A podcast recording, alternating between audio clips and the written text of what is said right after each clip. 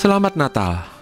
Di hari yang penuh karunia ini, kiranya kita semua diberi harapan, kedamaian, sukacita, dan kasih untuk menjalani hari-hari kita selanjutnya. Kali ini kita akan mempelajari satu nyanyian yang sepertinya sudah menjadi semacam lagu wajib yang harus dinyanyikan dalam setiap ibadah Natal, selain malam kudus tentunya. Nyanyian itu adalah Kidung Jemaat nomor 109 yang berjudul Hai Mari Berhimpun. Hampir semua orang sudah mengenal dan bahkan mungkin hafal minimal bait pertama dari nyanyian ini. Sudah menjadi tradisi untuk menyanyikan himne ini sebagai nyanyian penutup dalam misa tengah malam pada tanggal 24 Desember menjelang Natal di Basilika Santo Petrus di Vatikan. Dan tradisi ini diikuti oleh banyak gereja lain, baik Katolik Roma maupun Protestan. Ada juga yang menyanyikannya dalam ibadah Natal pagi pada tanggal 25 Desember karena di bait terakhir ada kalimat dalam bahasa Latin ergo quinatus die hodierna yang diterjemahkan ke dalam bahasa Indonesia menjadi ya Tuhan yang lahir pada hari ini. Ya, nyanyian ini memang aslinya ditulis dalam bahasa Latin dengan judul Adeste Fideles. Di dalam buku Kidung Jemaat tertulis penciptanya, baik syair maupun melodi adalah John Francis Wade. Namun demikian, informasi ini mungkin kurang akurat karena pencipta sebenarnya nyanyian ini sampai sekarang masih belum diketahui. Dari waktu ke waktu ada beberapa nama yang diduga menjadi pencipta himne ini. Di antaranya selain John Francis Wade adalah John Reading atau Raja John keempat dari Portugal atau seorang biarawan tanpa nama dari Ordo Cistercium.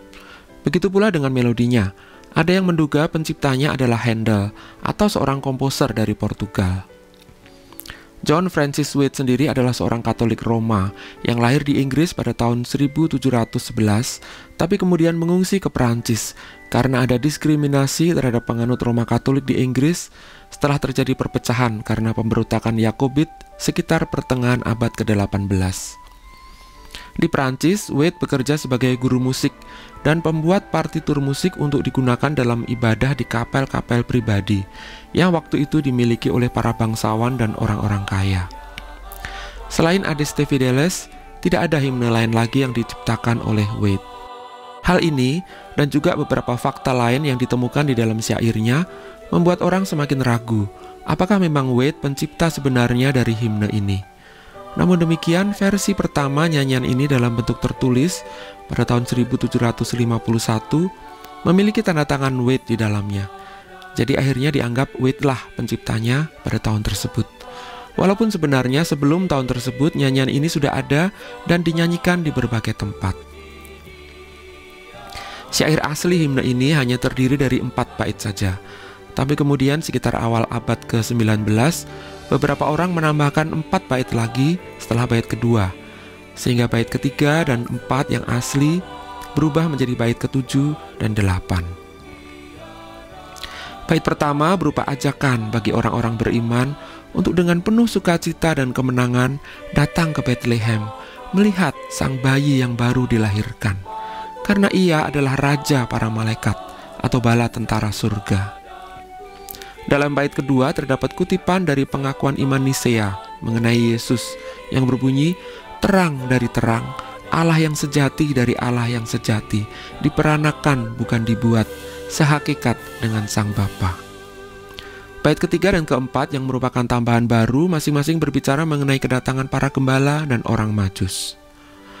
Bait kelima memuat referensi dari pembukaan Injil Yohanes yang berbicara tentang terang sejati yang berinkarnasi dan menjadi seorang manusia dalam diri Tuhan Yesus Kristus. Bait ini sering dinyanyikan pada saat Epifania atau hari peringatan penyataan Kristus kepada dunia. Bait ke-6 dan ke-7 merupakan respons baik dari manusia maupun para malaikat atas kelahiran Sang Juru Selamat. Sebagai manusia, kita mengasihi Dia yang telah menunjukkan kasihnya kepada kita, dan para malaikat diajak untuk mengangkat suara dan bernyanyi memuliakan Allah. Dan akhirnya nyanyian ini ditutup dengan bait terakhir yang berupa pujian yang ditujukan secara langsung kepada sang bayi yang baru saja lahir pada hari ini, firman abadi yang telah menjadi daging.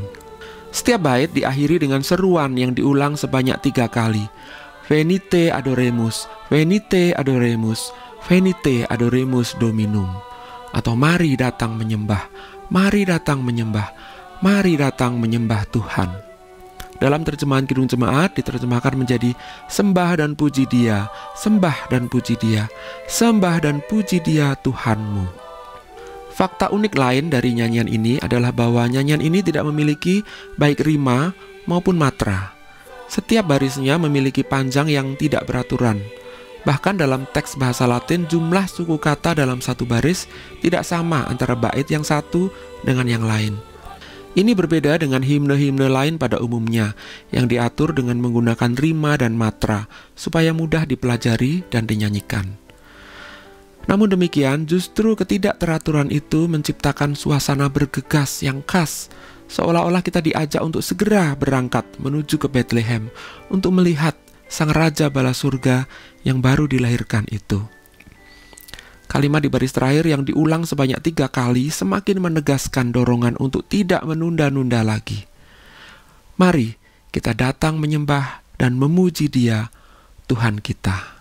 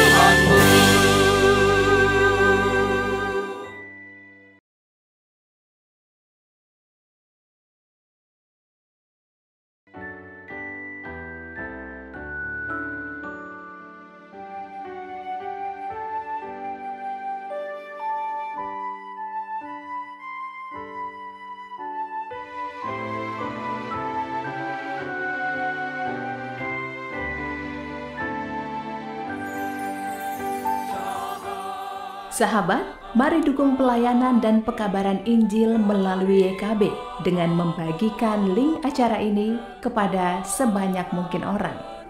Dukungan juga dapat saudara lakukan dengan mentransfer dukungan finansial ke rekening BCA ke nomor 450 305 2990 450 305 2990 atas nama Yayasan Komunikasi Bersama.